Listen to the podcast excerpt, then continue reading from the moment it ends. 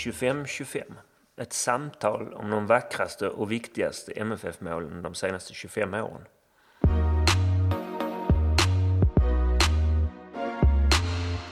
Vi som gör den här samtalsserien heter Tony Ernst och Henrik Zackrisson.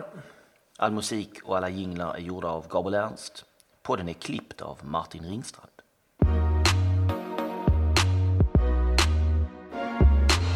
Den här podden görs på uppdrag av MFF Support med anledning av föreningens 25-årsfirande i år.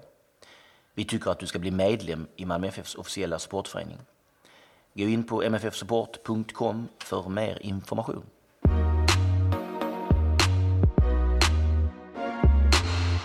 Mål 9. Zlatan Ibrahimovics 3-0 borta mot Djurgården 2001.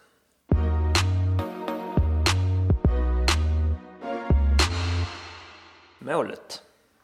Det står 2-0 och vi är framme vid den 71 minuten när Zlatan Ibrahimovic, den evige, eh, får bollen en bit in på Djurgårdens planhalva. Ja, och nu drar han i princip halva Djurgårdens lag och avslutar med att lägga in bollen lågt i högra hörnet. Ehm, planen är katastrofal. Eh, verkligen total katastrofal. Eh, bara det att han lyckas på något vis bemästra det. Inte bara bollen och sex Djurgårdsspelare utan också den här planen. Skottet blir inte optimalt, det studsar och hoppar lite grann. Ehm, men själva uppsnorningen av Djurgården blev ju ganska omedelbart legendariskt. Ja, man, jag tänker på när man ser det så, eh, så liksom på något vis hoppar de runt. Det är inte så att de låter sig dras och sen liksom hänger med huvudet utan de verkligen sliter som djur medan han mer liksom står och vajar i mitten. Och, jag vet att han själv uttryckte det som att han hamnade i någon form av zon där han liksom på något vis kunde visualisera hur han, hur han eh, skulle ta sig förbi.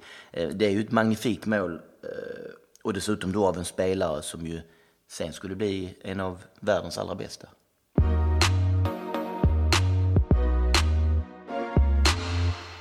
Läget. Ja, var låg vi i tabellen? Vad betydde den här matchen? Henrik informerar.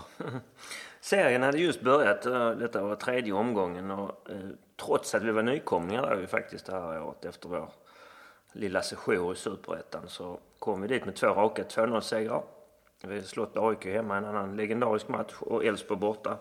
Vi var faktiskt enda fullpoängaren så långt. Ledde såklart då serien. Eh, Djurgården spelade inte sin tredje allsvenska match för året utan det var deras andra. Den första hade blivit uppskjuten, deras premiär mot Trelleborg hade blivit uppskjuten på att, för att planen var frusen. Och det, som du konstaterade precis så var den ju verkligen usel även i den här matchen. De har inte gjort målen heller. I andra omgången förlorade de mot HIF. Eh, så de blev långt ner. Längst ner typ. Det var, det var och vi lite, ledde. och det var lite krisstämpel på Djurgården redan där, var det inte det?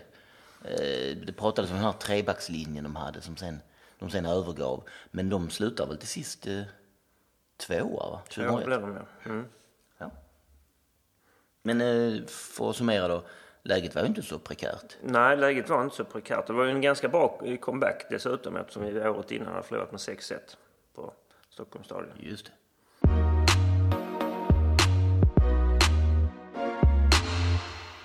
Matchen. Vi, vi gör en jättebra match, det får man säga. Det här är ju början av säsongen. Eh, Vi går ju som tåget. Efter den här matchen har vi ju nio poäng, tre vunna, 8-0 i målskillnad. Eh, Ja, så som ofta nykomlingar gör i början, att man går bra. För vi var ju faktiskt nykomlingar. Vi verkar liksom hänga ihop. eh, Och det här är alltså tredje raka segern då. Ehm, Själva matchen då, 1-0 kommer i 19 minuten. En bra boll i djupet av Majstorovic som Peter Idje rätt förvånande trycker upp i nättaket. Fruktansvärt bestämt. Ehm, Och detta måste väl vara hans första mål för oss? Ja. inte, Ja. ja. Mm. 2-0 i, i, i 68 där, så det dröjer en, en, en ganska bra stund. Det är Josef Elanga som trycker in en fin passning av Idje. Minns man hans eh, glada firande vid sidlinjen. Eh, 3-0 är då såklart Zlatans enorma dribblingsräd eh, som vi avhandlar här. Och så 4-0 precis i slutet när Majstorovic av alla blir fälld efter att ha varit uppe på en offensiv utflykt. Eh, och då stiger Samba Erik Johansson fram och sätter straffen hur säkert som helst. Ehm, Zlatan blir utbytt mot Mats Liljenberg några minuter efter att han gjort det här 3-0 målet. Det var någonting med att han hade fått problem med andningen eller, eller blev, jag vet inte. Um, Kött. Ja, det var, jag minns att det var någonting med, som gjorde att man blev lite orolig för någon sekund. Att det var någonting, eh. Jag har Eh, eh, Mats Liljeberg blir inbytt i alla fall. Marcus Rosenberg sitter på bänken hela matchen. Som är det andra forwardsalternativet där alltså. Och det är ju lite fint att tänka sig att eh, vår allra största moderna ikon liksom sitter där och spanar in vår allra största världsstjärna.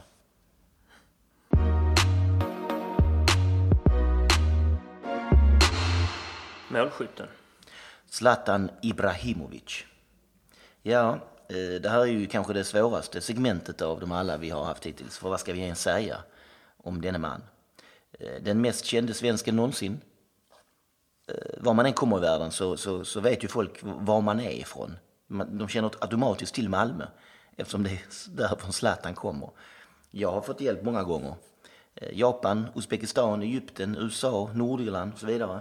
Var man än är så kan man slänga fram Zlatan Ibrahimovic så tycker alla att, att man är trevlig. Ja, och ännu mer så kan jag känna att, att eh, någon frågar, man är Mm. utomlands, någon frågar var är ni ifrån? Eh, så säger man Sverige och då kommer det som andra sak. Mm. Ah, Zlatan Ibrahimovic. Ja, var man än är ja. Mm. Så sent som i somras tankade, det har han kanske redan nämnt, men tankade på, var i Namibia och tankade. Tankkillen som står, mackkillen frågar varifrån då kommer direkt. Då kan man följa upp med, ja, från, från hans hemstad. Precis, jag, jag brukar säga det att jag, jag fick samma, jag beställde en, em, beställde en drink utav eh, bartendern på den lilla ön på Maldiverna. Och då undrade han var man kom ifrån. Han var själv lankes och då sa jag att jag kom från eh, ett land långt bort, Sverige. Ah, Zlatan Ibrahimovic. Och då kan man säga, ja, precis faktiskt. Väldigt exakt så. För att jag är uppväxt, eller det är jag inte, men jag är i alla fall bor Ehm, 500 meter från där han kommer ifrån. Och det blir de alltid imponerade av. Det är ju närmast ofattbart tycker jag att det var här det började. När man ser honom så, han är ju liksom en mytisk figur på samma sätt som Messi är. På samma vis som Ronaldo är då. Att, eh, har, han ens kommit härifrån? Och man har fått se honom och vi, det är ett, ett av hans mål vi avhandlar. Det är nästan liksom lite förmätet. Mm. Um, och det är fortfarande så tycker jag. Jag är inte, varken du eller jag är väl superintresserad av ska vi säga, någon annan fotboll än, än, än Malmö FF. Vi tittar ibland på matcher, men vi är inte så att vi följer något annat lag eller hardcore studerar en annan liga. Men båda två tycker vi ju fortfarande att det är riktigt kul. Alltså han kan ju få en att skratta, ehm, gapa av förvåning, jubla när han gör sina allra konstigaste saker. De här mest berömda målen, om vi då tar klacken mot Italien, den här konstiga cykelsparken från vad det är 30-40 meter mot England på Friends. Det här dribblingskaoset mot Nack Breda i Ajax och så vidare och så vidare och så vidare. Alla de där målen känns ju osannolika. Det är liksom som att man nästan direkt kan, hade, hade man fått se målet utan att man liksom blurrat så hade man kunnat säga det här är Zlatan då. För det är bara han som kan göra det. Ehm, och jag menar, det är ju massa snack om hans divalater och hur han beter sig i media ibland och det är väl en del härskarteknik och med lite machokultur och så vidare. Men alltså, jag kan ju ärligt säga att jag älskar honom. Jag vet inte vad du känner. Ja men det är klart att det som framförallt kanske för det här att det blir definierande. Ja. Eh, att vara utomlands långt bort i världen. Då, är det, då finns det här på något vis som en... Det, det, det som man först knyter an till en annan människa som man aldrig har träffat förut på andra sidan världen. Det är Zlatan. Liksom. Det är det, den mest tydliga gemensamma nämnaren man har på något vis. Det är ju, säger ju rätt mycket. Det gör det. Jag undrar om det är... Sen om det är kärlek eller något annat, det vet jag inte riktigt. Men, men visst är det roligt att följa honom. Vi, vi, jag- minns när jag var i, jag jobbade på Kvällsposten ett tag, slutet av 90-talet. Och då hade de, eh, inför millenniet då, skulle de ha, eh, ja det skulle vara de senaste tusen åren, men det var väl såklart de senaste hundra åren bara, eh, mest kände eh, skåningen. Och då eh, var Anita Ekberg etta. Den stora Anita Ekberg. Som, som eh, kommer från eh, Kirseberg Ja. i Malmö. Och jag undrar om det är samma sak där. Hon var ju världsstjärna och liksom eh, s- Hollywood-idol och så vidare. Eh, Och, och, och Zlatan fanns ju inte med på den här listan för den gjordes väl 99. Men idag hade du inte haft så himla mycket snack. Vem är den mest kände skåningen? Genom alla tider? Ja, det är ju Zlatan. Ja. Nej, jag ska ju inte vara fördomsfull så, men jag vet inte om mackkillen i Namibia eller bartendern på Maldiverna hade känt till Anita Ekberg. Nej, kanske inte. Men eh, för 50 år sedan så kanske någon snubbe i Något annat lite närmare land kanske hade vetat vem Anita Ekberg var. Eh, ja, vi, vi, mm, vi, vi börjar ta lite förvirrade här, för vi vet inte riktigt vad vi ska säga om, om Zlatan Ibrahimovic. Det är han som gör det här målet. Eh, han gör det ju i början av sin karriär och sen går han vidare till väldigt stora höjder. Men han är ju ursprungligen oavlåtligen MFF-are. Ja. Och sen kan man ju också säga det att han... Eh, vi vill ju såklart ha med ett Zlatan-mål här på den här listan, det är ganska självklart. Och de andra två, eh, vi ska inte säga för mycket, men de andra två är också ikoniska. Han gör eh, mot AIK Ja. Allsvenskan det här året. Eh, Vi kanske eh, ber att få återkomma till det.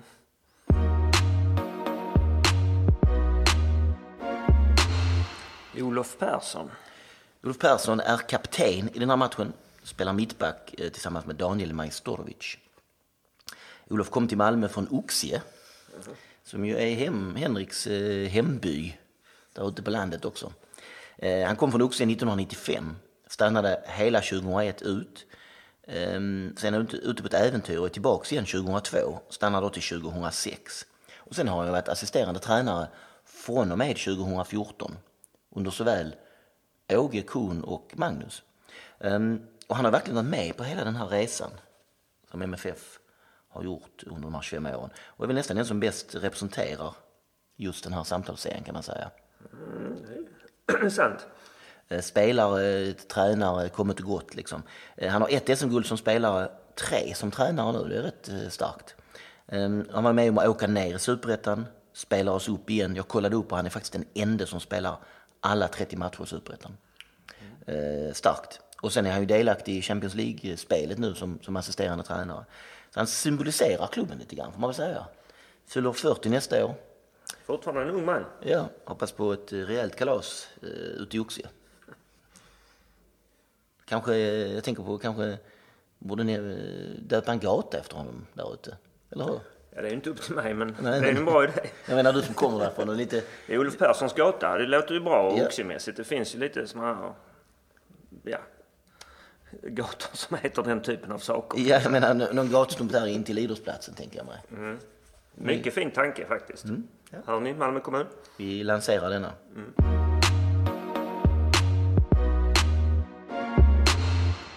På plats. Det här är alltså några år sedan.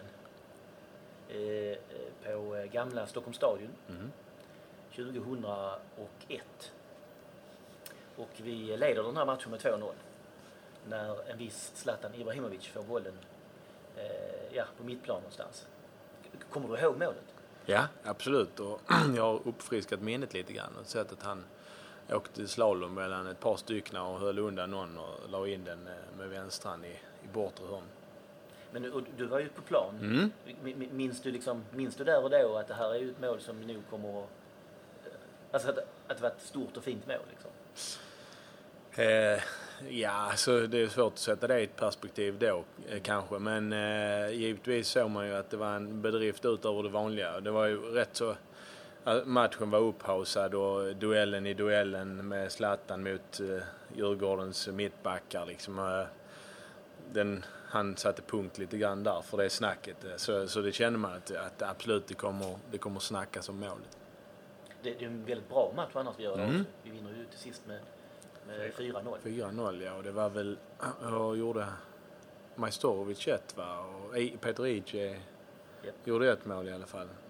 Kanske gjorde Zlatan två, det vet jag inte. Elanga. ja. Josef ja, han sprang och visade tungan till klacken sen, det stämmer. Nej men det, det vill jag också minnas att det var en, eh, liksom en liten litet statement från oss den matchen. För det var ju, eh, det blev ju en, en stor eh, seger men vi var väl ändå rätt så nöjda med hur matchen gestaltade sig. Eh, att vi lyckades så stå emot inledningsvis och sen så tog vi över och så spelade vi hem den på ett väldigt bra sätt. Med fina prestationer såklart individuellt men vi, vi försvarar oss på ett bra sätt tycker jag också. Det här var ju 2001 och det var ju kan man säga återkomståret. Året. Mm. Och, och vi började ju väldigt bra det året. Ja, Vi leder ju tabellen efter ja, tre, fyra omgångar. ja precis. Nej, vi kom igång väldigt fint. Som för många nykomlingar eh, får man väl ändå kalla oss, eller återkomlingar, så, så eh, kommer man väl in i en, i en svacka någon gång under säsongen och det gjorde vi också men, eh, men eh, vi började väldigt bra, absolut. Det här då, att det är väl egentligen en sällan överträffad eller dittills aldrig sedd liksom hysteri och, och fokus på en spelare den här våren då, Zlatan.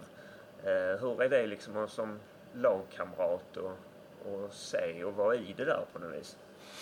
Ja, nej men det är ju precis som du säger. Det, det, det, var ju det var ju något nytt kan man säga. Man är alltid påpassad här och har varit det ända sedan jag började spela liksom både, både en själv och, och, och, och mestadels då de som gör mål och sticker ut lite. Eh, men detta var på en annan nivå. Och jag tror för oss eh, var det ju en svår balansgång liksom att hantera, handskas med att du har en sån stor eh, individualist eller, eller stor inom citationstecken stjärna. Att just att hantera då det kollektiva och, och, och ändå ge plats åt, åt honom. Och på något sätt som, som eh, då någon som har varit med lite mer backa upp eh, utifall han, han behövde någon stöttning och, och så här. Så det var inte helt enkelt men jag tror alla som var inblandade då lärde sig någonting av det och har, känner någonstans ändå att man har varit med på hans resa eh, mot den absoluta världstoppen. Liksom. Man känner sig, känner sig delaktig på något sätt och, och, och, springer man på varandra nu som man ändå har gjort någon gång under de åren som har gått så, så känns det väl ändå som eh, Zlatan med, med en liten blick i backspegeln är tacksam för de åren som, som ändå han var här. Det var, det, var, det hände ju väldigt mycket. Men mm. det, det, har ju förmodligen varit en, en eh, fin, ett fin, en fin start mm. i hans karriär. Det, det, här året då, så när, när du säger det här med trycket och som det var på honom, det var det ju också för att han spelade ju kvar i Malmö FF den här våren och fram till sommaren fastän han ju var såld. Mm. Eh, för den största summan någonsin och sådär. Så det var ju, det måste ju varit en rätt eh,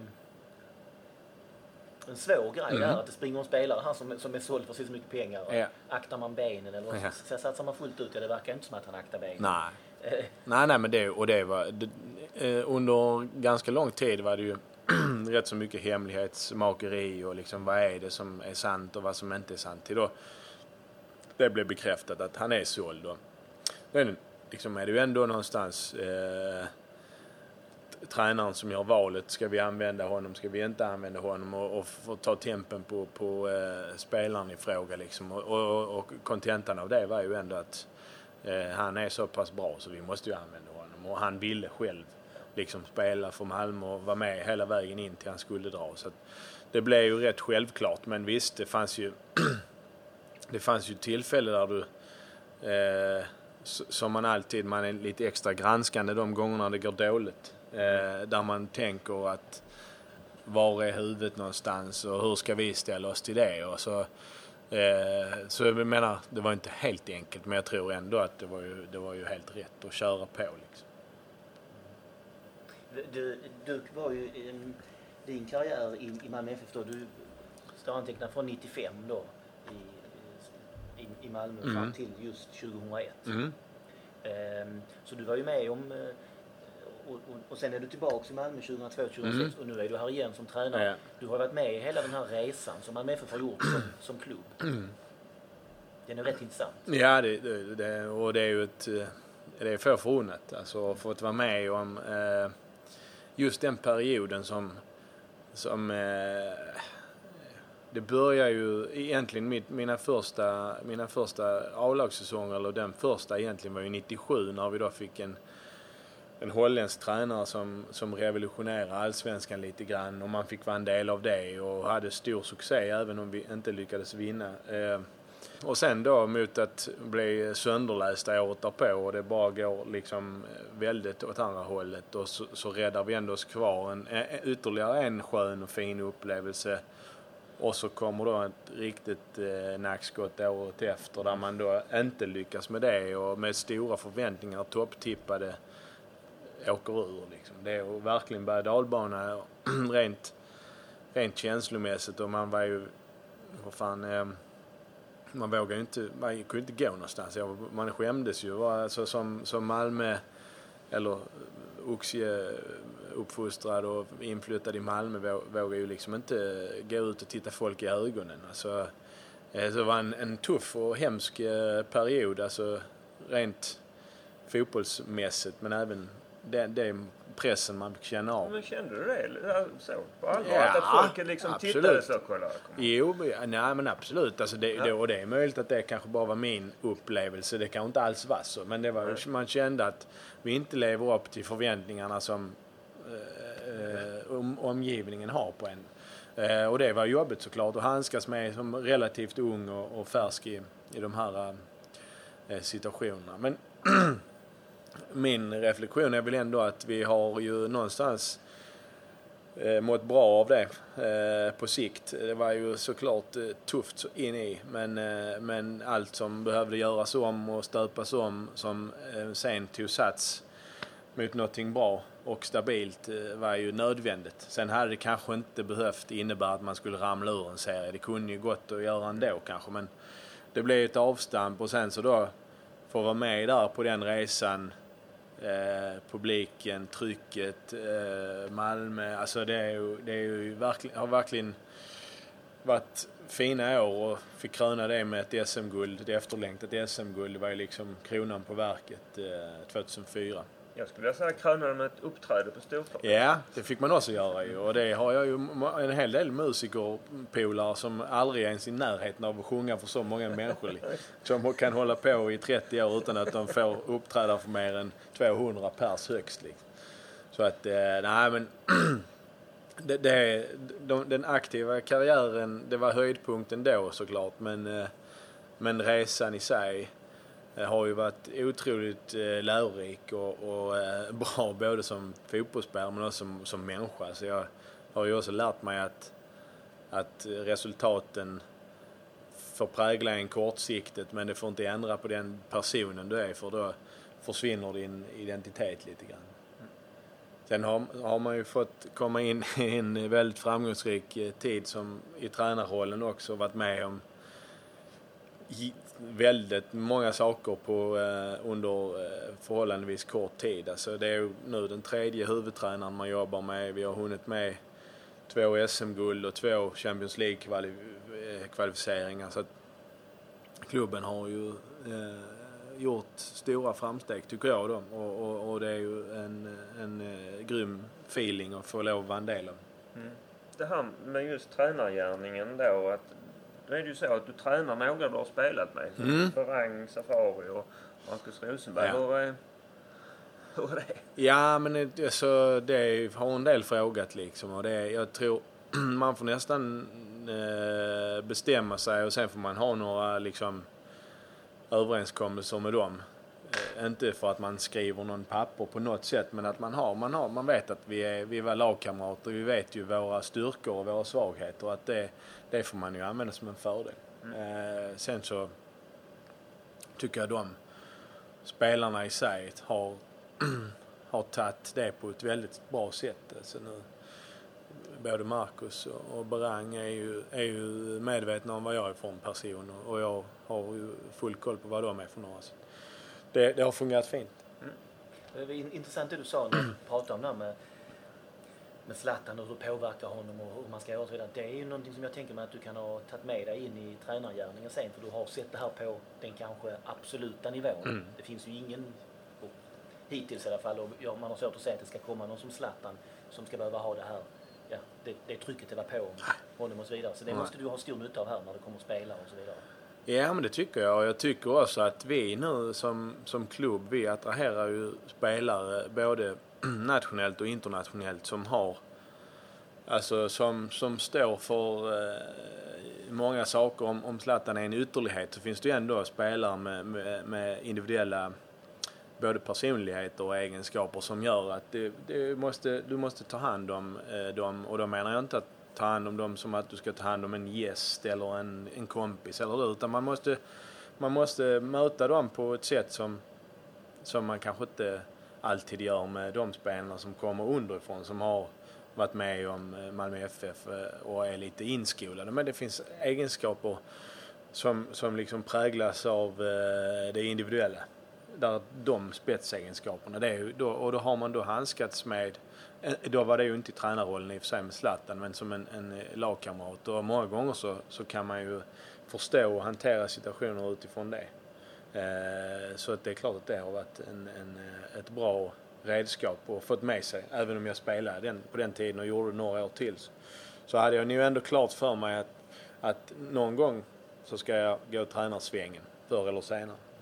Och, och det ska ju sägas också, som måste jag påpeka, att Malmö FF har varit en förening där just den typen av spelare som sticker ut lite har varit rätt eh, bra på att slå sig fram jämfört med andra föreningar mm. där det finns mycket striktare regler på ja. hur man ska bete sig. Jag menar, och det tror jag nog är, det är ju en av våra en av våra styrkor. Eh, och jag vill ju bestämt påstå att vi är ju den klubben som påminner om klubbar på kontinenten. Alltså mer eh, där, vi, där vi då, och det är kanske jäkligt flummet sagt, men eh, där vi har eh, många eh, individualister och spelare med, med europeiska spetsegenskaper eller egenskaper som passar i, i ligor i Europa. Eh, och då, då måste man vara eh, väldigt duktig på att hantera den typen av spelare som, som ibland går lite utanför ramarna. Du, du, du säger här, det verkar som att du ganska tidigt bestämde dig för att du ska bli tränare också, när du har slutat spela. Mm, jag hade ju en, eh, alltså då som, eh, när jag, när jag eh, inför 2007 bestämde mig för att eh, byta klubb jag gick till AGF så hade vi en dansk tränare som heter Ove Pedersen och han, han eh, bollade rätt så mycket med mig. Då blev jag skadad också så det blev, det blev en, liksom en dubbel effekt av att jag inte kunde vara med och spela. och då så hade jag någon, någon, vid något tillfälle någon, eh, där jag blev rådfrågad och hade någon som han tyckte bra svar. Så, och då sa han ju det att du borde ju satsa på tränarsvängen när du slutar spela.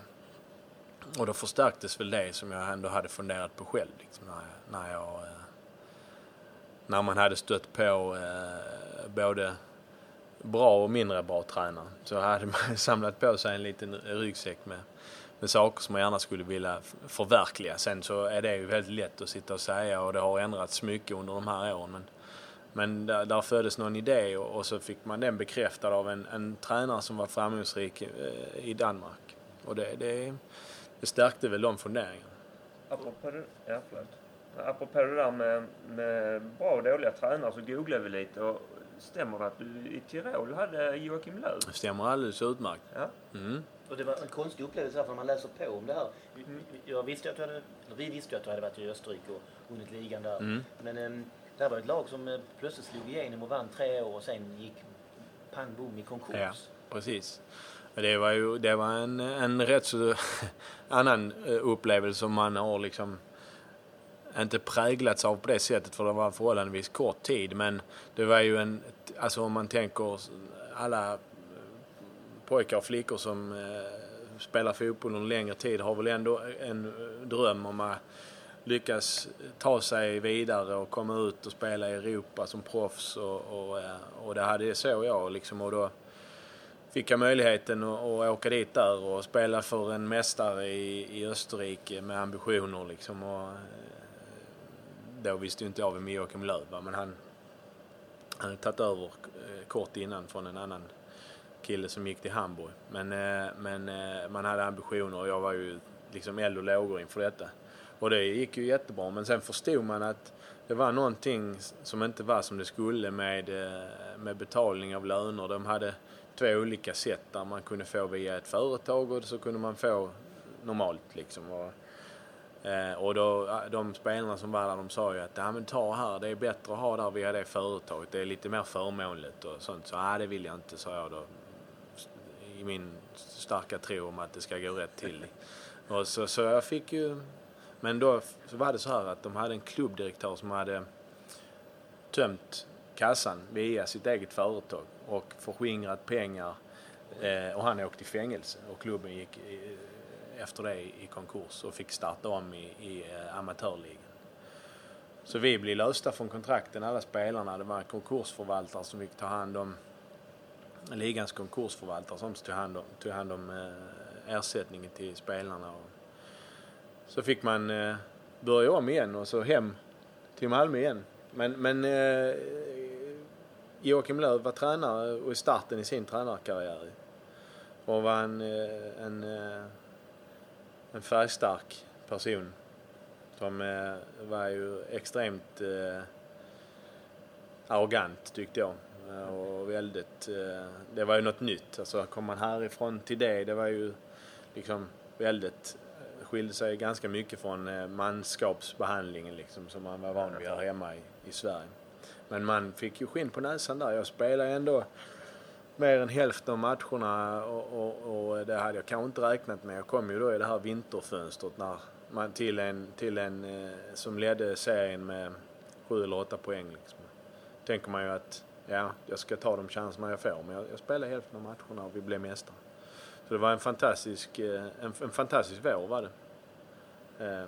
Men ni hann liksom inte mer än bli mästare förrän förrän sen det här uppdagades? Nej, så, så skildes vi åt och så var det tre veckors eh, ledighet och när vi samlades igen så var det väldig ovisshet. Så det stod i rubriker i tidningarna och vi fick inte reda på någonting. Eh, mer än att eh, ens rättigheter var, har du inte blivit ersatt på tre månader så eh, är du fri att förhandla med en ny klubb och då räknas ditt kontrakt som brutet. Så det blir, det, jag tog mitt pick och pack och, och stack och därifrån och sen så fick vi då reda på att eh, han hade åkt i fängelse och klubben gick i konkurs. Så då var jag inte på plats när det utan jag åkte ner sen igen och hämtade, tömde vårt boende och så var ju Tom här i Malmö och han ville ju att jag skulle stanna i Malmö innan jag stack ju. Så det blev ganska naturligt att eh, de låg på igen och det var ju, det var ju eh, en härlig känsla liksom. Hur, när, du ser Jogi Löw eh, coacha tyska laget och mangla Brasilien 7-1 och ta VM-guld. Hade du kunnat tänka dig det? Ja, inte då. Alltså, det var ju svårt att... För alltså, jag har ju alltid varit så här att... Eh, eh jag, ju, i, I nuet så har jag svårt att se den stora bilden och det långa perspektivet. Eh, och jag förstod ju att, eh, att han var en, en eh, bra tränare, absolut. Han hade väldigt, det var ju väldigt bra träningar och sen så fick man ju också erkänna att med de pengarna som du hade satsat hade det också införskaffats Österrikes bästa spelare och eh, någon internationella inslag. Så att eh, vi var ju förhållandevis överlägsna. Så jag vet inte egentligen hur mycket jag funderar kring om han var en topptränare eller inte. Men, men eh, eh, sen så förstod man ju att, eh, att han hade att han hade någonting när han då först blev assisterande i landslaget och fick sedermera ta över. Eh, man, har inte, man vet ju ingenting om hur han är som tränare eller person idag men det känns ju som att, att de har varit rätt framgångsrika. Mm. Och han har väl en, en del i det. Ja, det ser man inte minst i Confederations Nej. när han spelade liksom deras u ja. mer eller mindre ja. och, och, och, slog alla. Ja, ja. Nej, det är ju det är fräckt. Alltså, han har ju också varit rätt så fascinerad av tysk fotboll överlag. Liksom, eh, med allt vad det innebär i, i, eh, i tempot de spelar, i, i duellspelet, i hur man pressar, hur man löper för varandra och liksom snabba omställningar. Allt det som, har, som Dortmund har gjort fantastiskt bra, men alltså andra lag också nu med med Salzburg, och, eller förlåt, eh, Leipzig och, och Bayern München till viss del också. Det, det är intressant och fräckt. Sitter du och kollar mycket fotboll liksom så? Eh, alltså kombinerat då nytta med nöje så att säga? Internationell fotboll i olika ligor? Ja, alltså, ja det, det, jag tycker nog att det blir mer så att man fastnar för olika lag. Så man, inte för att jag är någon liksom supporter, anhängare till något lag, men att mer man ser saker som vi skulle kunna, i en annan skala givetvis, men vi, så kan vi praktisera i vårt sätt att, att spela. Det, det tycker jag definitivt att man kan att man kan ta med. Sen vågar jag inte titta för mycket hemma för då får jag på fingrarna liksom. Man kan inte sitta och du kan inte komma, du har varit borta i tre dagar och spelat match. Du kan inte komma hem och sätta dig och titta på match igen. Det går inte. Så man får ju vara, det får vara någon balans i det. Men jag, jag samlar på mig ganska mycket för någonstans så har man väl en, en ambition om att få vara huvudtränare igen. Eh, när det blir det vet jag inte men det är klart att, att eh, man samlar på sig och man vill hitta sin egen, sin egen filosofi och sin identitet liksom. Och då tror jag och är rätt övertygad om att det är viktigt att se eh, fotboll med internationella influenser. Vi, vi, vi återvänder till den här matchen på Stockholms ja. 2001. Du, du, har ju varit med hela vägen när Zlatan kom upp. Kan mm. säga. V, v, mm, ja, den första frågan är ju, kunde man föreställa sig att den här ynglingen skulle bli en av världens allra bästa fotbollsspelare? Det, är ju, det är ju som jag sa innan svårt att sätta i det perspektivet. Men jag kommer ihåg, vi pratade en hel del om det. Eh, jag kommer ihåg ett samtal jag hade med, med Jonny till exempel, Fedel då. Han sa eh, du, vi har aldrig haft en sån här. Alltså, han är, det är ingen som har varit i närheten av detta här. Jag har sett eh, Svarts och Tern och de andra som har kommit upp men ingen, det är ingen som har varit i närheten av detta. Liksom. Och det, det var ju ändå någonstans spelare som hade tagit sig väldigt långt. Eh, sen såklart att det ska liksom ta och bli så bra av det. Det var ju väldigt svårt att förutspå men storleken eh, kraften och bollbehandlingen i, tillsammans gjorde ju att det fanns extrema förutsättningar rent fysiskt. Eh, sen så är det ju många grejer som ska flätas ihop ändå och, och det ska passa. Man var ju ändå lite orolig för hur, hur klarar han den motgången i Holland där? Det var inte helt eh, på räls eh, första tiden. Hur, hur hanterar han det? Alltså. Men eh, det har ju härdat honom så att det, det, det, nej, det är ju grymt imponerande och som jag sa innan sjukt kul om att ha varit med någonstans på den vägen. Hur, när, när, du Johnny säger det där och du instämmer mm. så tänker jag, hur ser man det på, på träningar? Liksom, att han kan göra saker som ingen riktigt annat kan göra? Liksom. Ja, alltså, och, och med den eh, kontrollen och styrkan. Alltså, nu mötte jag ju honom mycket på träningarna. Liksom. Det var ju det var ju inte roligt alltså. Det var ju, man kunde inte... Eh, normalt sett kommer det upp någon eh, ung där som, som är duktig och som, som eh, gör någonting mot den och får en fördel. Liksom, då försökte man ju sätta på plats. Alltså försökte spela fysiskt men det hjälpte ju inte mot han. Han, han kunde ju svara upp sig mot det och eh, liksom ge han någon eh, om man vet att någon är jäkligt bra i luften så är man ju inne på kroppen men då kanske de spelar han på foten istället och då kunde han göra någonting där. Liksom. Det var, det var, det var man, jag kunde, man märkte det i träning att eh för då spelar man mot varandra. Sen så är det klart att på matcher avgjorde han för oss på, på eh, fantastiska sätt på egen hand några gånger. Så det, det är klart att det eh, var ett tecken på att det här kommer bli bra. Men ändå, att det ska bli så bra, det, det, det vet man ju aldrig.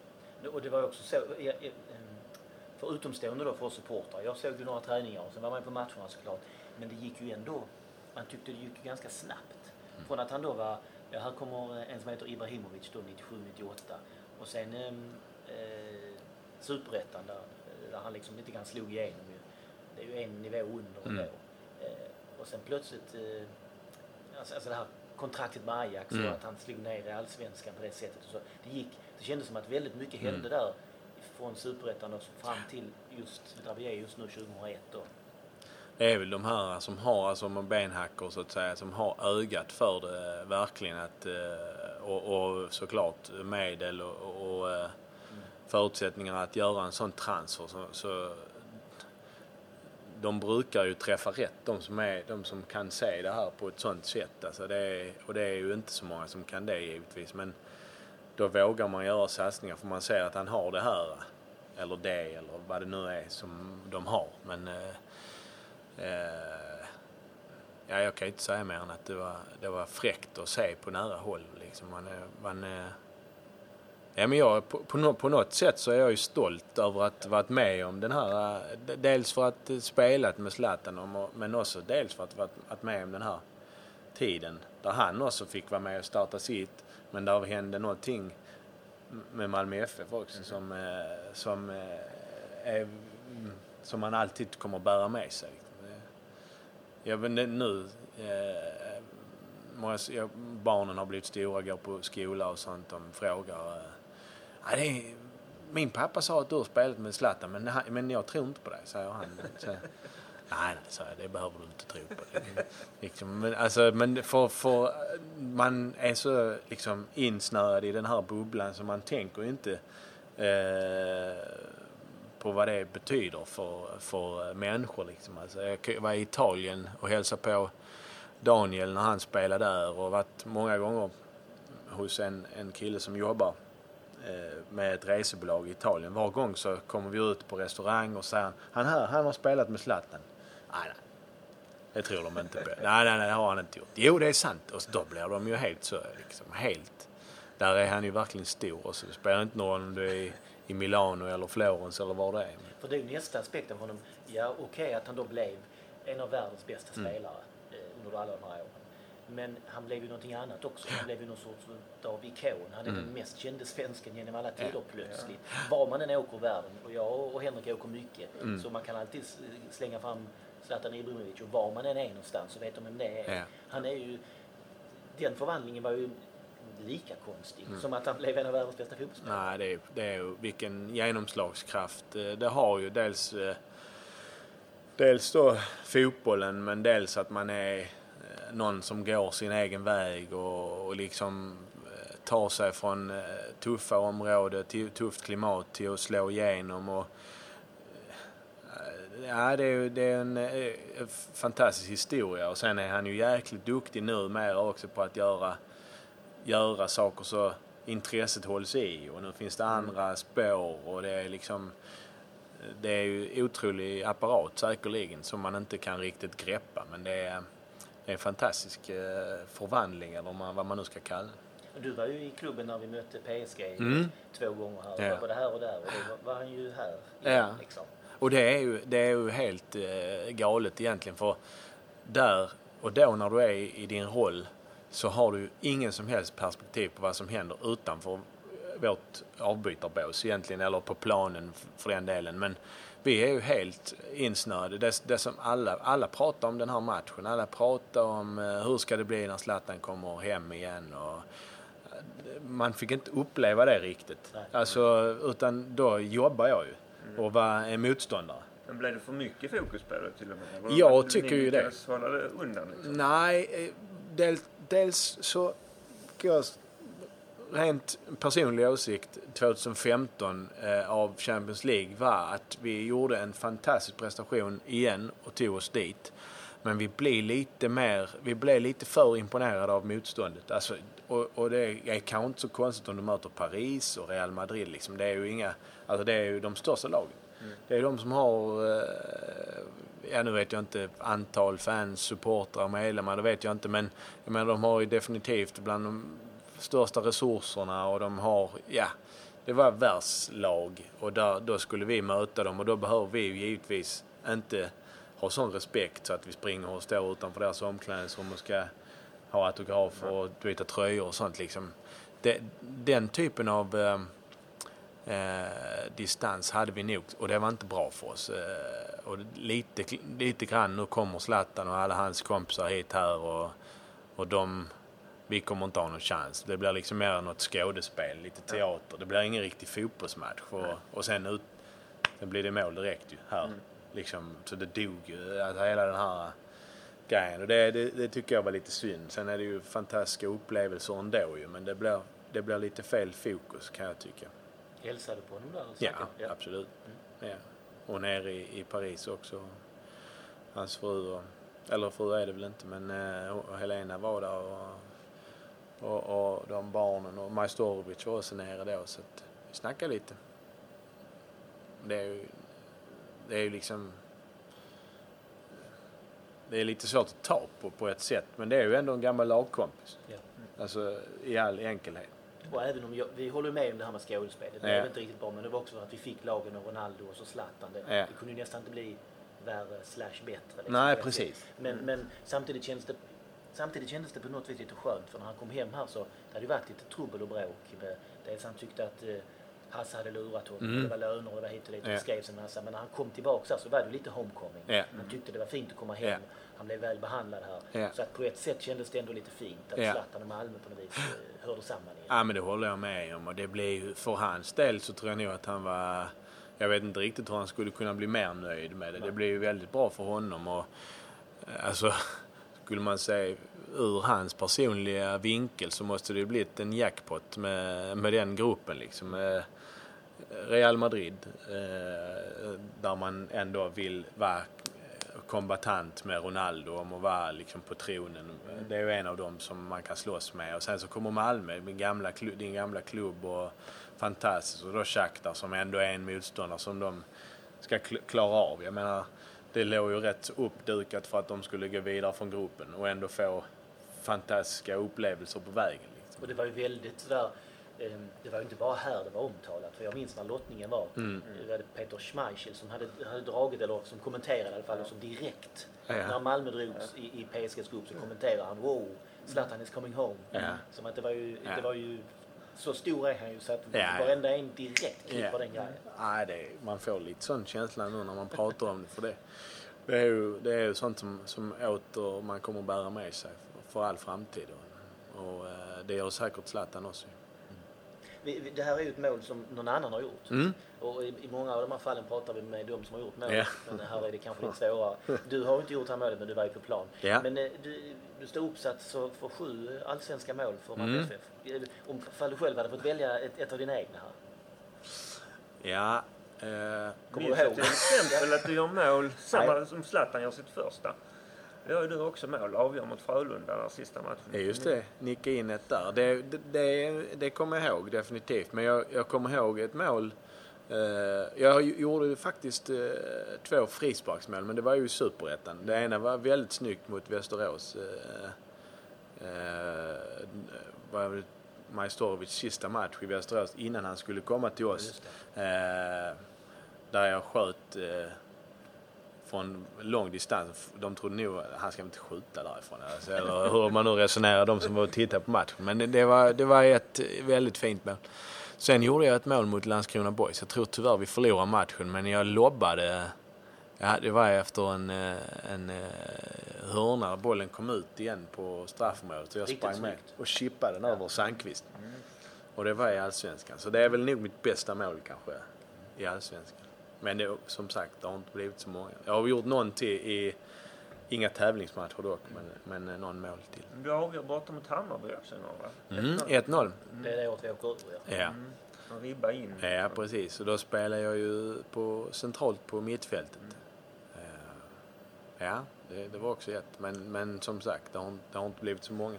Men när vi pratar om meriter då. Jag måste ju fråga en sak också. Eh, som på din Wikipedia. Ja, Jag är ju själv uppvuxen i Oxie så jag är intresserad av att höra med Oxiemästare i Landhockey. Ja, nej, men, 91, eh, 94. Det är ju säkert... eh, Det, det, först ska sägas att det, den har inte jag lagt till eh, i kolumnen. Och jag vet inte om det finns något officiellt mästerskap heller i landet. Det, det är nog någon som har varit lite kul. Däremot, vi hade ju ett landhockeylag eh, som eh, vi spelade i en... Vi gjorde ju en liten serie. Där fanns fyra landhockeylag med, med då kompisar i ungefär samma ålder. Så. Landhockey, då pratar vi alltså på gatan. Ja, precis. Inte i någon hall och Nej, sånt fanns, nej, utan nej. riktig landhockey. Vi spelade på parkeringsplatsen Ja. och, och, och så. Och då tror jag nog att, eh, att vi var bäst, vill jag minnas ju. så om det kommer härifrån, det är det kanske. Men, Men det, vi kanske rent utav kalla det inofficiella mästerskap. det skulle vi definitivt kunna kalla det. Och, eh, vet någon hur man stryker den eh, raden så får man gärna göra det. För att den frågan kommer upp lite titt som tätt faktiskt. Det? Okej. När, när man tänker på då ehm, eh, den här matchen 2001 då är det ju Micke Andersson som är tränare. Mm. Ehm, och sen är du borta en, en kort sväng innan och hinner bli Österrikes mästare och träffa Jogge Löw och gå i konkurs. Och Ja. sen är du tillbaka i Malmö Ja. och då är ju Tom här. Och då håller vi faktiskt på, jag höll ju på att bli historisk där och bli eh, mästare i två olika ligor samma år. Och vi var med och, och slogs eh, ju hela vägen in eh, 2002. Eh, ja, vad tänkte du fråga? Nej, men så tänkte jag då, då var det Micke Andersson och sen kom Prahl. Ja, Eh, Och så var du under Prahl-eran ett tag. Och Ja. sen var du med även när Åkerby kom. ja, Och sen har du kommit in här under tiden eh, eh, Åge Mm. och Allan och så nu Magnus. ja. Eh, Det är många tränargärningar Ja, där, man hinner liksom ta ställning till mycket. Och eh, även innan var du, du sa holländaren och så Ja, vidare. Hur, absolut. hur, ehm, hur formar man sin egen tränaridentitet i, i den här rätt så eh, brokiga skaran? Mm. Nej, det är ju en eh, ytterst kompetent fråga. Det, jag kan säga att när man själv spelar så, så, så var det ju rätt lätt att identifiera sig med de sakerna som man tyckte var viktigt. Alltså man säger då mig själv som defensiv eh, eh brukar fint säga att man är defensivt balanserad. Alltså man har sina spetsegenskaper i, i, i det defensiv. Och då, då är det klart att man eh, på något sätt eh, fastnar för den tränaren som är duktig på att styra upp det defensiva och har tydlighet i hur man vill spela försvarsspel. Och det var ju Tom ett föredöme i. Så det är klart att man kunde, man kunde på något sätt identifiera sig med det. Och då motsats med Sören liksom, som inte jag tyckte var lika duktig på det. Som hade andra, andra grejer som han eh, var bra på liksom. Men, men om, om man skulle jämföra de två när jag ändå spelade så klart att, att Tom var, var en förebild och någon som man kunde... Eh, jag kommer ihåg när jag väl valde att, och köra tränarspåret så pratade jag en del med Tom liksom, inledningsvis.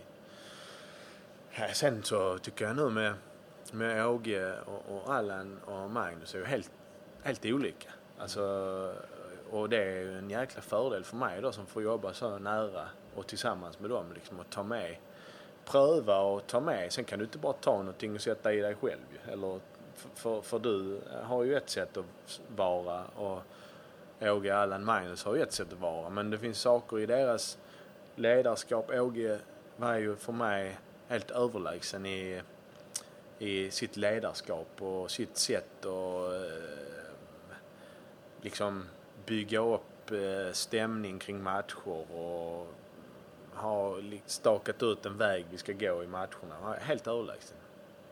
Och, och klart att så skulle man också själv vilja vara. Liksom. Och det, det, är ju någonting man måste utsättas för, få erfarenhet, spela tuffa matcher, ta tuffa beslut för, för att få den eh, typen av eh, erfarenhet. Sen var Allan, Allan kom ju direkt från en sån tjänst som jag har som assisterande och fått ta över en, en klubb i den här storleksordningen.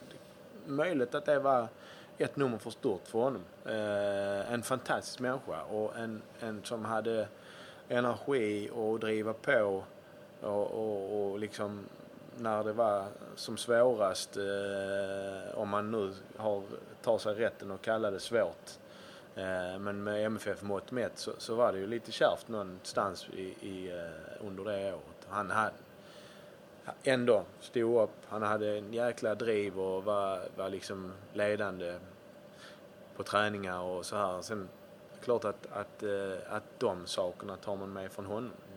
Och Magnus då har sitt sätt att leda där han får ut mycket av oss andra med, med en väldigt fin struktur i, eh, i hur rollfördelningen är mellan oss. Och, och, och det är klart att eh, nu så tror jag inte på att där är en längre som ska styra hela showen utan att du måste kunna dela, dela med dig av ansvar och vara väldigt eh, prestigelös i det. Eh, nu har du hand om det, jag kan koncentrera mig på det här. Liksom att som, som chef kunna göra det tycker jag är en jäkla styrka.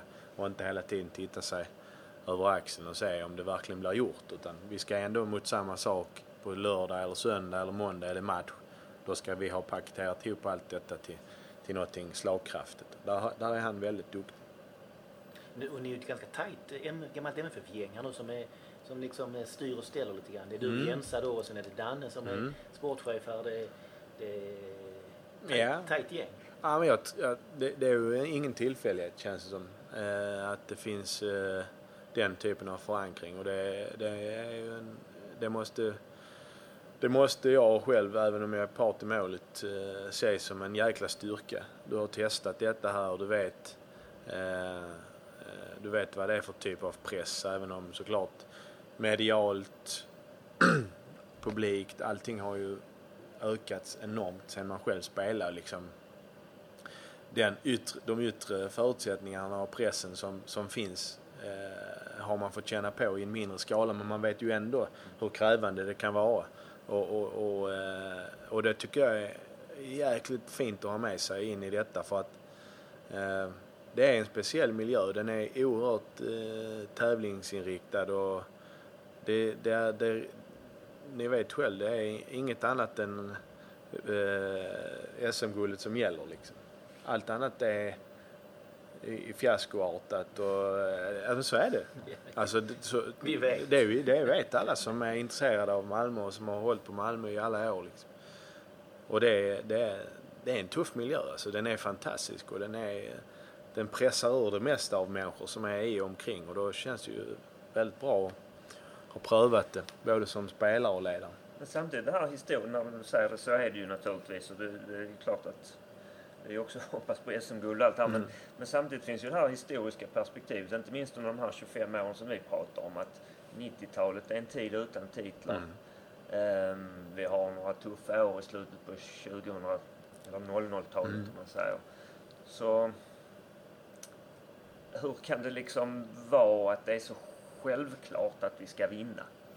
Ja, men det, jag, någonstans så har vi ju spelare och ledare som, som eh, jag brukar inte använda vinnarskalle för jag tycker det är så svårt att, och liksom, vad är det? Jag har svårt att egentligen berätta vad det är men, men eh, oerhört drivna av att vinna och, och i, i eh, förlust och i motgång är, jä- alltså är jäkligt eh, resultatinriktad och vill Alltså, det, och det har säkert andra klubbar också men, men eh, jag upplever det som att det är en sån eh, miljö så man ställer väldigt höga krav och siktar hela tiden högre. Liksom, det ligger ju liksom latent på något sätt. Mm. Men, men upplevde du att det var likadant även under de här lite magra åren då? Ja, 90-talet och Alltså, 00. man blir inte så påpassad riktigt på samma sätt ju.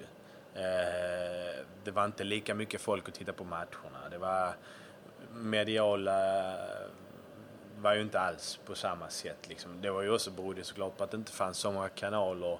Det var ju inte eh, internet på samma sätt. All- Allting finns ju nu tillgängligt överallt. Liksom. Du kan ju få dig, om du, är, om, om du inte kan eh, filtrera så kan du få dig rejäla skrapor och eh, ganska personliga alltså påhopp och så som man...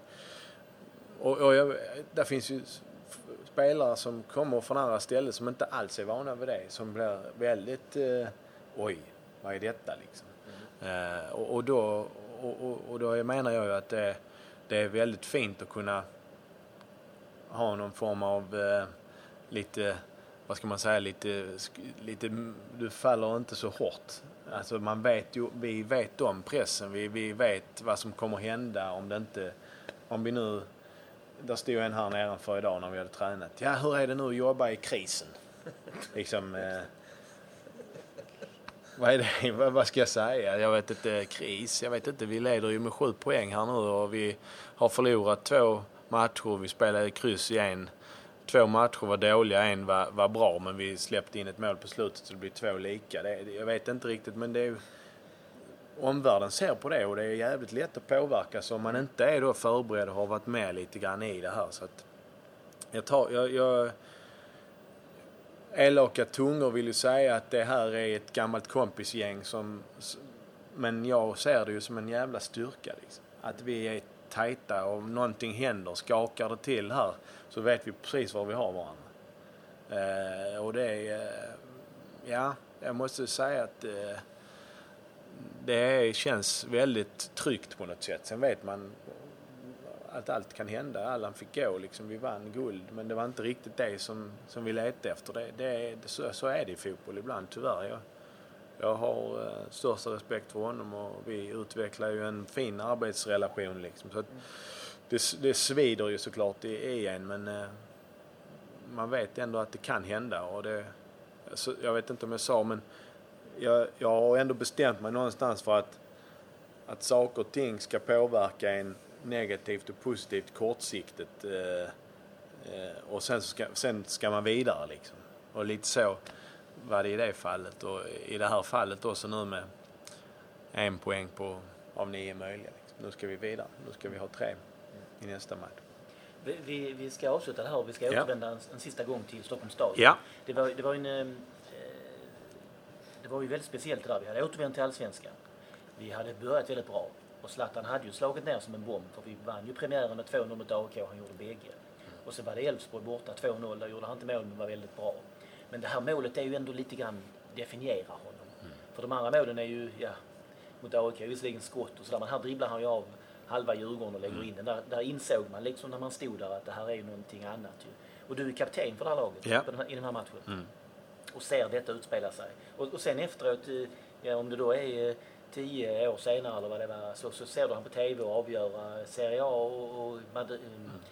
El Clasico i, i, i Spanien och eh, göra mål i Manchester-derbyt och så vidare. Går det att få ihop de här två eh, liksom, entiteterna? Den här unge killen som håller på och dribblar på den grusiga Stockholms stadion mot Djurgården och sen den som är på TV och är världens största spelare. Typ.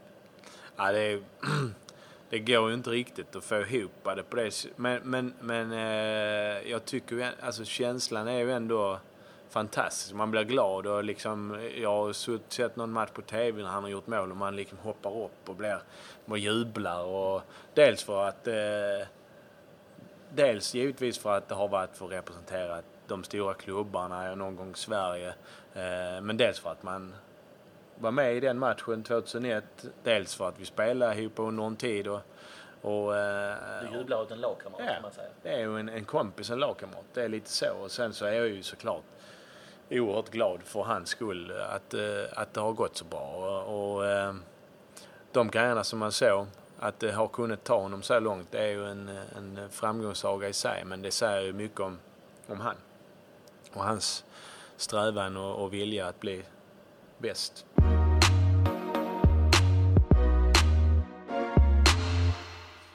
Mer om målskytten. Zlatan Ibrahimovic. Vi har lite fakta. Han är faktiskt just nu den spelare eh, i världen av de som fortfarande spelar som är mest dekorerad. Alltså har flest titlar. Han har tagit eh, magnifikt otroliga 33 titlar. Mm. Han har 13 ligatitlar. Det är två holländska med Ajax då. Sex Serie A, Juventus, Inter, Milan. Där har Juventus-titlarna omstridda och nog bortplockade för att han har egentligen 35 titlar. Men vi, vi räknar ja, Okej, okay, du har räknat bort dem Ja. Han har alltså egentligen åtta? Uh, nej, han har sex alltså. Mm, okay. Jag menar, eh, här har jag med Juventus, men när, när, han själv räknar, eller när han själv, när Fifa eller vem det är räknar vem som är den mest dekorerade spelaren så behöver han inte säga 35. Han får bara säga 33. Mm. Han har två holländska ligatitlar, han har sex A-titlar, han har en La Liga-titel och han har fyra eh, ligatitlar med Paris Saint-Germain. Mm. 13 gånger har han vunnit ligan alltså. Det är ganska bra. Han har 11 guldbollar. Den här Aftonbladet, Svenska fotbollsförbundets utmärkelse till Sveriges bästa fotbollsspelare. Um, där de, innan dess var det helt otroligt att någon hade fått det två gånger. Mm. Återvänder till det här med ligatitlarna. Det är ju så när sen han väl flyttade från Malmö. Det är bara ett par år, ett par av sina säsonger han inte har vunnit ligan. Det var någon med Ajax va? Uh, en gång med Ajax och, och en gång med Milan. Ja, och så United då. Och så United de sista gången. Mm. Eh, då har han annars sidan alltid vunnit en kupp eller en supercup eller någonting så att han har kunnat plocka några titlar. Ehm, han är meste målskytt i svenska landslaget med 62 mål. Mm. Och så har han tusentals andra rekord. Läser man på eh, sidor om honom och så vidare så är många besynnerliga. Men det är liksom jättemånga rekord som han har. Bland annat så är han den enda spelare som tydligen gjort mål i alla minuter av en match. Vilket är ett konstigt rekord. Um, han är den äldste spelare i Premier League att göra 15 plus mål under en säsong. Mm. Och han har gjort det snabbaste hattricket i League Öns historia. Det tog nio minuter. Ja, och så, så där håller det på. Det är liksom en, eh, det, hur många rekord som helst. Um, och lite grann eh, tycker jag nu att eh, man också kan spekulera i, är sagan över tror du? Eller kommer han att komma tillbaks? Det, ryktas ju om att han liksom är, snart är fit for fight och ska börja spela med United igen mm. efter årsskiftet. Vad kommer han att göra då? Kommer han att klara det? Mm. För han är ju dock, fyllde ju ganska nyligen 36. Sex. Och det är ju en eh, aktningsvärd ålder för att kunna prestera på den här nivån. Men eh, vi lär väl se.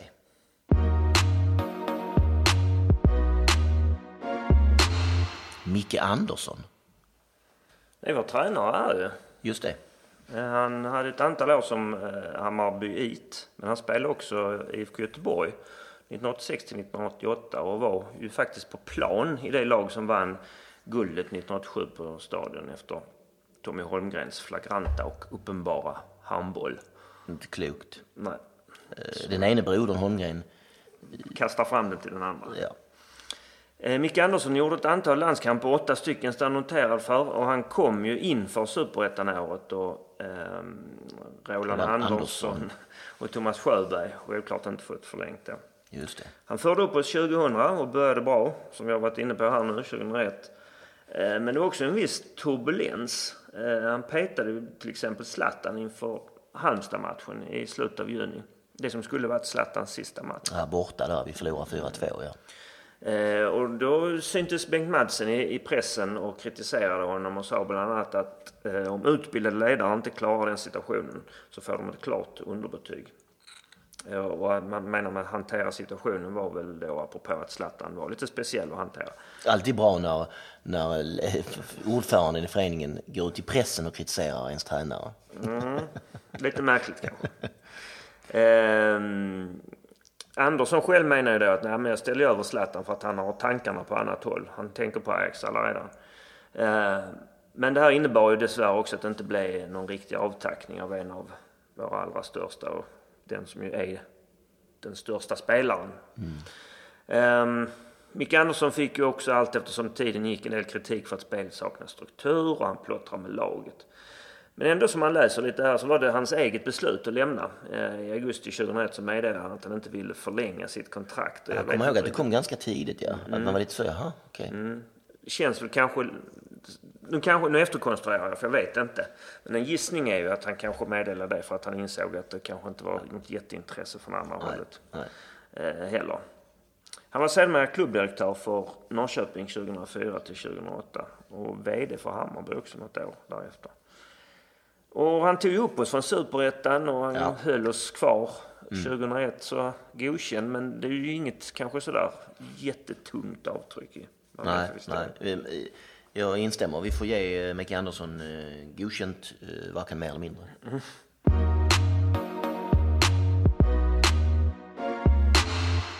Kluriga frågan.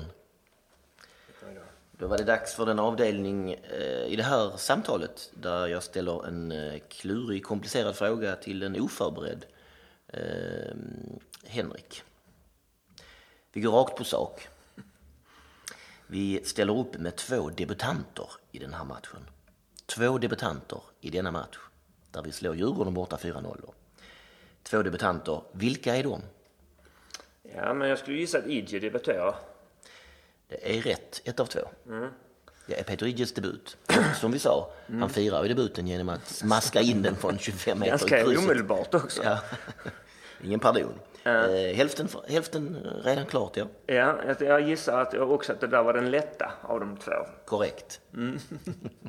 Sen skulle jag kunna tänka mig att det är någon som hoppar in.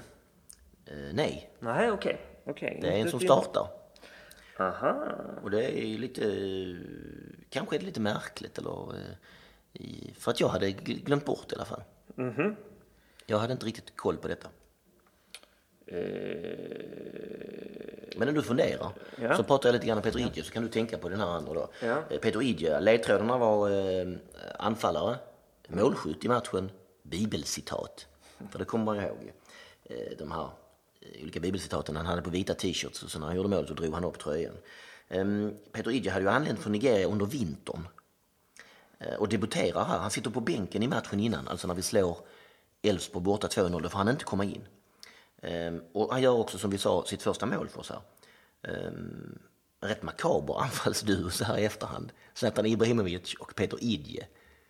Eh, det tänkte man väl inte riktigt just då, för de var ju nästan nya båda två. Men eh, i efterhand så framstår det som mer eller mindre sinnessjukt. Eh, det var debutanten, den ena. Men har vi något svar på en gissning på den andra? Annars har vi ledtrådar. Ja, okej. Det, det känns ju som att, när jag försöker tänka, det känns som det borde vara en av ytterbackarna i så fall. Eh, då är det fel. Aha, inte det heller. Ska vi ha lite ledtrådar? Då är det en, måste det vara en yttermittfältare.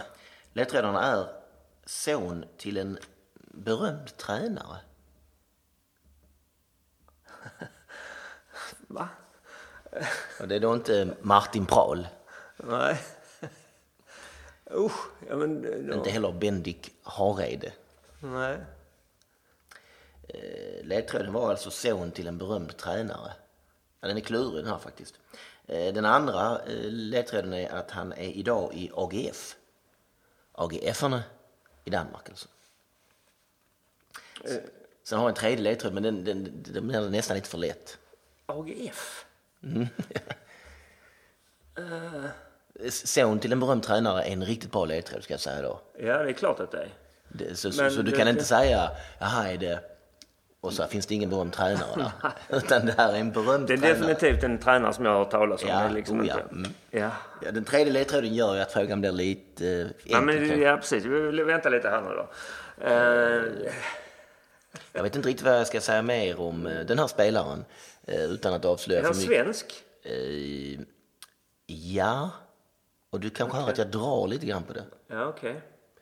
Eh, För jag eh, är inte helt eh, säker på, ska vi säga, vad det står i passet.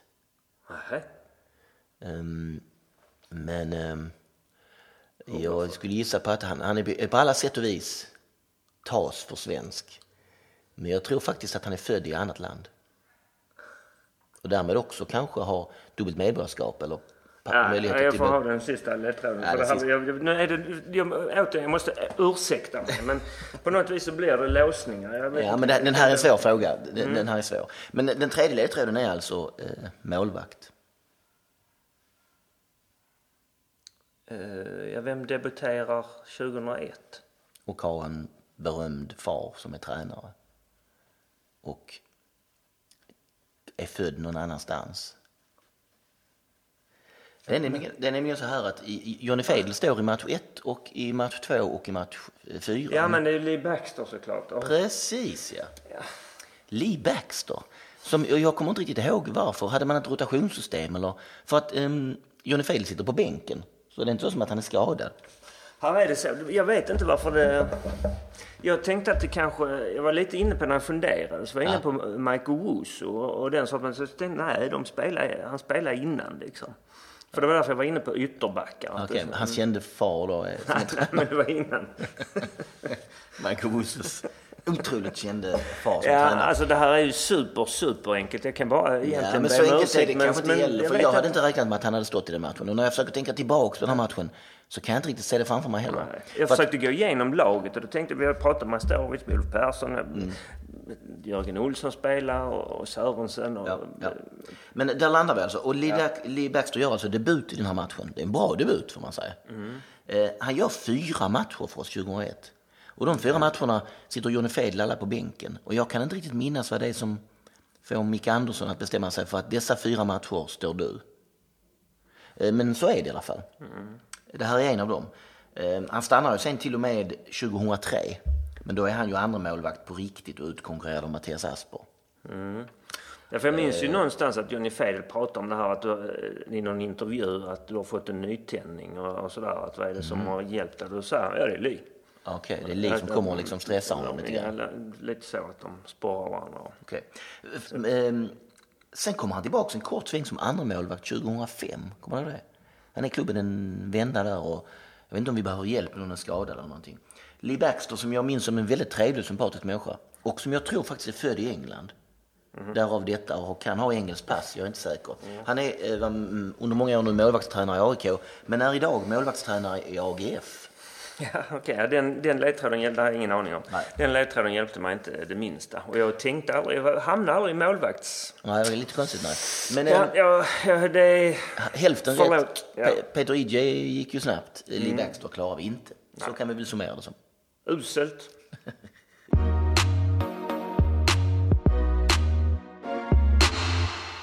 Peter Sörensen. Lite konstigt, eller så. Oväntat. Lite, lite märkligt köp sommaren 2000. Eller. Kom från Silkeborg. Det jag, jag upplevde det också som lite märkligt. Ja. Peter Sörensen var en spelare som var något av en liten slottermaskin kanske mitten. Och, eh, mitt tydligaste minne av honom är ju tyvärr, får man väl säga, för att han gjorde säkert, eller gjorde en del gott för oss får man säga. Eh, men mitt tydligaste minne är hans löpsteg. Som såg, han såg tung ut när han sprang. Det var ingen speedkula. Eh, 2001 så gör han 16 matcher och hinner med 8 gula kort på dem. Varnar varannan match i snitt alltså. Han börjar ju bra för det är han som spelar fram till bägge Zlatans mål i den här premiären mot AIK. Och han är ju faktiskt kvar i truppen även året efter. Framgångsrika, totalt sett framgångsrika 2002. Men då får han nöja sig med tre starter och nio inhopp. Eh, Efter MFF så hamnade han i Norge. Gjorde några år i HamKam, som kommer från Hamar. Eh, Och sen är han tränare och sen 2015 chefstränare i Silkeborg som just nu är ett bottenlag i Danmark. Eh, Och för övrigt där den Falkenbergstalangen Gustav Nilsson spelar. Han är utlånad dit från Bröndby. Eh, Alltså, det ska sägas, jag håller med dig. Det var ett konstigt köp och inga, ingen av våra största spelare såklart. Men han var ju oerhört viktig tror jag som pådrivare och det här rivjärns lottomaskin på mittfältet just i superettan. Drivjärn låter bättre faktiskt. Ja. Förlåt för slåttermaskinsliknelsen. För att det känns som att i superettan så krävdes det en spelare av hans eh, kaliber. Den här liksom eh, slitvargen på mitten med skallet huvud som springer hela tiden. Liksom. Den typen av spelare krävdes i Just superettan. frisyren är väldigt. Nej men det kändes som att det var, var gång, var vi än åkte i, i, i Superettan under det året så ställde bortalaget upp, vem det än var, så ställde de upp med två innermittfältare som såg ut som Magnus Turbo Svensson. Alltså skalliga, hårdföra rivjärn. Och så kommer man där då med någon tekniker, det går liksom inte. Nej. Superettan krävde, tror jag, Sin-Ola Severin. Ja, Sinne Severin, eller då, som i vårt fall, jag är, nästan mer eller mindre övertygad om att vi hade inte gått upp utan Peter Sörensen. Nej du, okej. Mm. Och det, det ska han ha all heder för. Ja. Eh, Det, på, som jag säger, säger här också, jag vill understryka detta. Det är en, det är, jag gillar inte det att mitt tydligaste minne... i löpsteget, Nej. men, men löpsteget var ju inte vackert, det kan vi ju enas om. Eh, men jag tror han var viktig som pådrivare. Ehm, Jag håller med om det.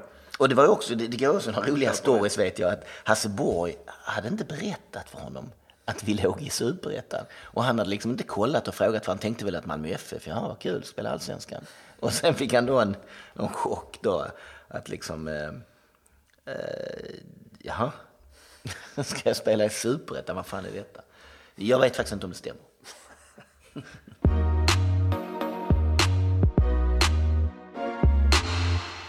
Zlatans 18 mål för Malmö FF.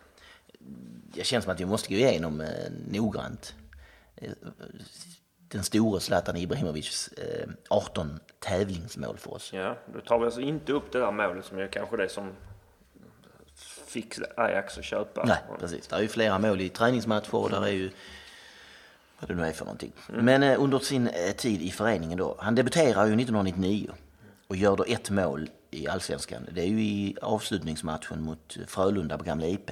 När vi redan är ur, ja. Precis, den betydelselösa. Där gör han ju sitt första mål. Eh, sedan så gör han 12 i superettan. Blev vår bästa målskytt under den tiden. Lite ojämnare, rätt långa pauser mellan målen, men när han är bra är han ju såklart otroligt bra. Och därefter då tre mål i allsvenskan 2001. Där det är ju de bägge målen mot AIK i premiären och så den här dribblingsräden som vi anmäler här eh, mot Djurgården borta. Det blir 16 stycken mål i allsvenskan och superettan och då tillkommer två i Svenska cupen. Eh, Det är först ett i andra omgången när vi borta slår Perstorp med 4-0. Det är lite roligt att tänka sig att Zlatan Ibrahimovic har ju ett mål mot Perstorp i Svenska cupen. Och sen därefter mot Helsingborg i november 2000 på Stadion när vi ju är eh, klara för allsvenskan igen. Just det. Och vi eh, slår ut dem i tredje omgången efter ett golden goal. Eller för att citera Arne Egerfors, ett golden goal. Ehm, ja, det blir 18 stycken. 18 mål har han gjort för oss. Det här är ju favoritmålet. Detta som vi pratar om här.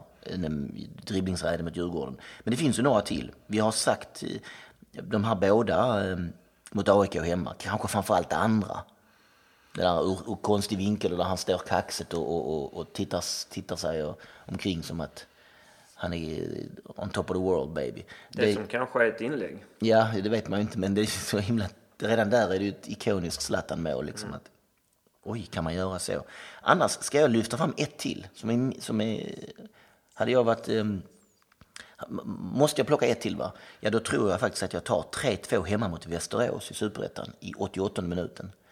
Eh, som var oerhört viktigt och förlösande och eh, ja, en bit på den resan som innebar att vi sen gick upp. Det, det är jag barnsligt förtjust i.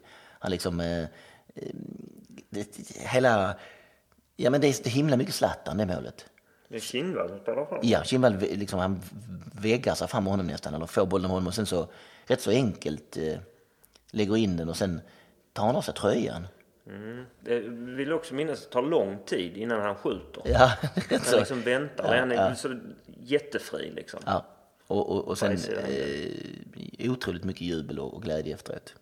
Um, minns jag för att det var någon fin sommarkväll och sen så efteråt så var det eh, under Malmöfestivalen så jag cyklade ner och såg några konserter och man var liksom upprymd och glad och, och allting syntes. Eh, man såg liksom saker och ting ur, ur Langosen smakar extra gott. ja, men fil, det var ett filter där som var ja, ett Zlatan-filter.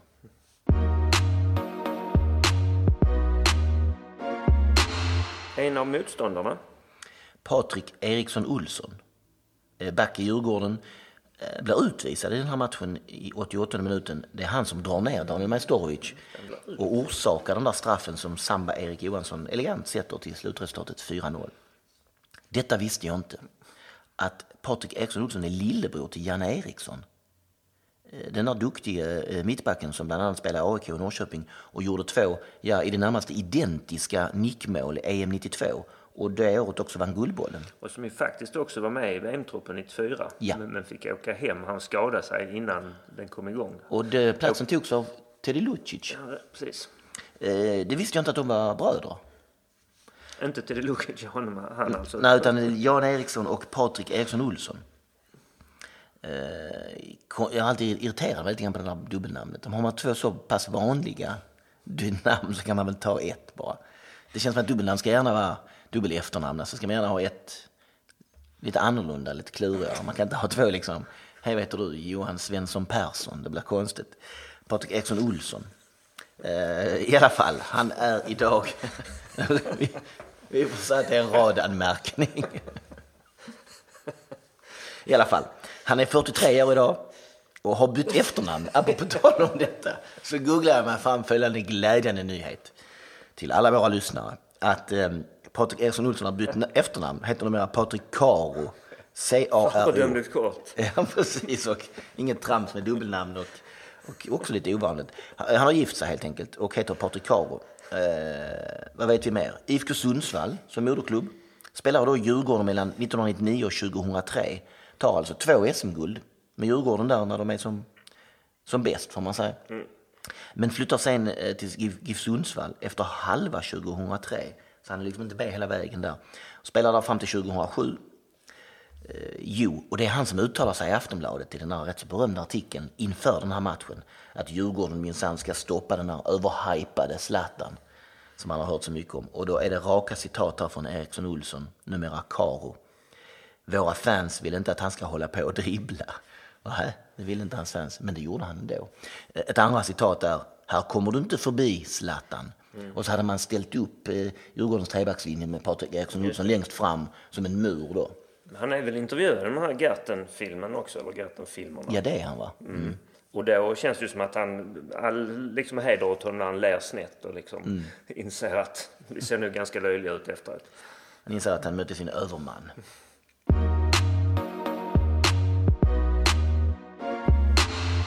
Ytterligare något om målskytten.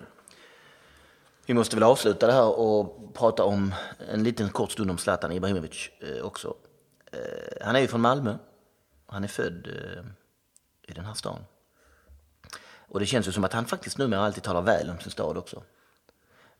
Hemkomsten i Champions League 2015 var ju fin. Ja, vi fick stryk och sådär men det gick ju liksom inte undvikande undvika ändå att se att det fanns något väldigt Hollywoodskt lyckligt slut, eh, tårdrypare över alltihopa.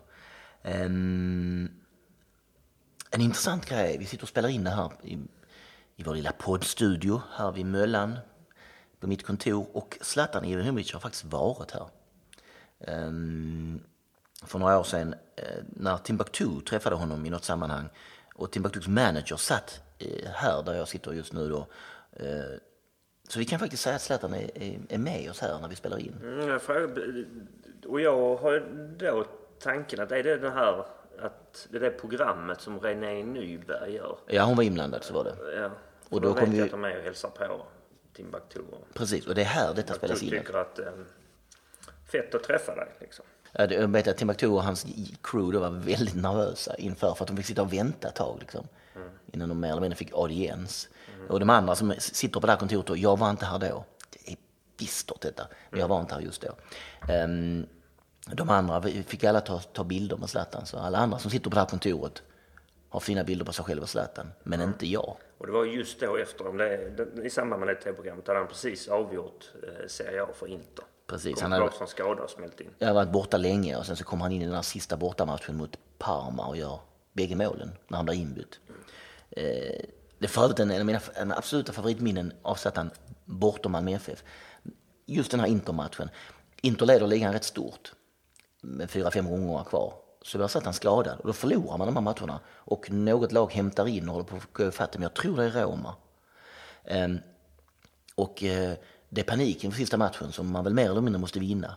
Borta mot Parma som håller på att åka ur och som har mycket att spela för. Och det står 0-0 till 50-60 minuter. Men då reser sig Zlatan upp och ska bytas in. Och eh, Mancini står med någon liten pärm eller någon papper framför honom. Och liksom visar, så här ska du göra nu och blir det defensiv hörna så är det sy så. Och Zlatan liksom petar bort honom. Trycker bort de här papperna av Mancini. Och det ser ut som att han liksom bara säger släpp in mig på plan så ska det här ordna sig. Det kommer hamna några jävla mappar. Eh, och så kommer han in och så gör han ju eh, direkt nästan 1-0. Och sen har han en jättechans till 2-0 som han bränner. Och sen direkt på det så kommer det in en från Mike Conn och så gör han 2-0 ändå. Um, jag minns att jag satt och tittade på, på låg volley va? Ja, Jag minns att jag tittade på Kanal Plus och, och, och de andra spelarna liksom började gråta och kasta sig omkring och Zlatan verkar inte riktigt förstå var, var i det märkvärdiga består. Liksom. det här var väl inte så konstigt tycker han. Ehm, men vi slutar där någonstans med att eh, hela den här programserien är inspelad på ett ställe där alltså Zlatan har, eh, har varit.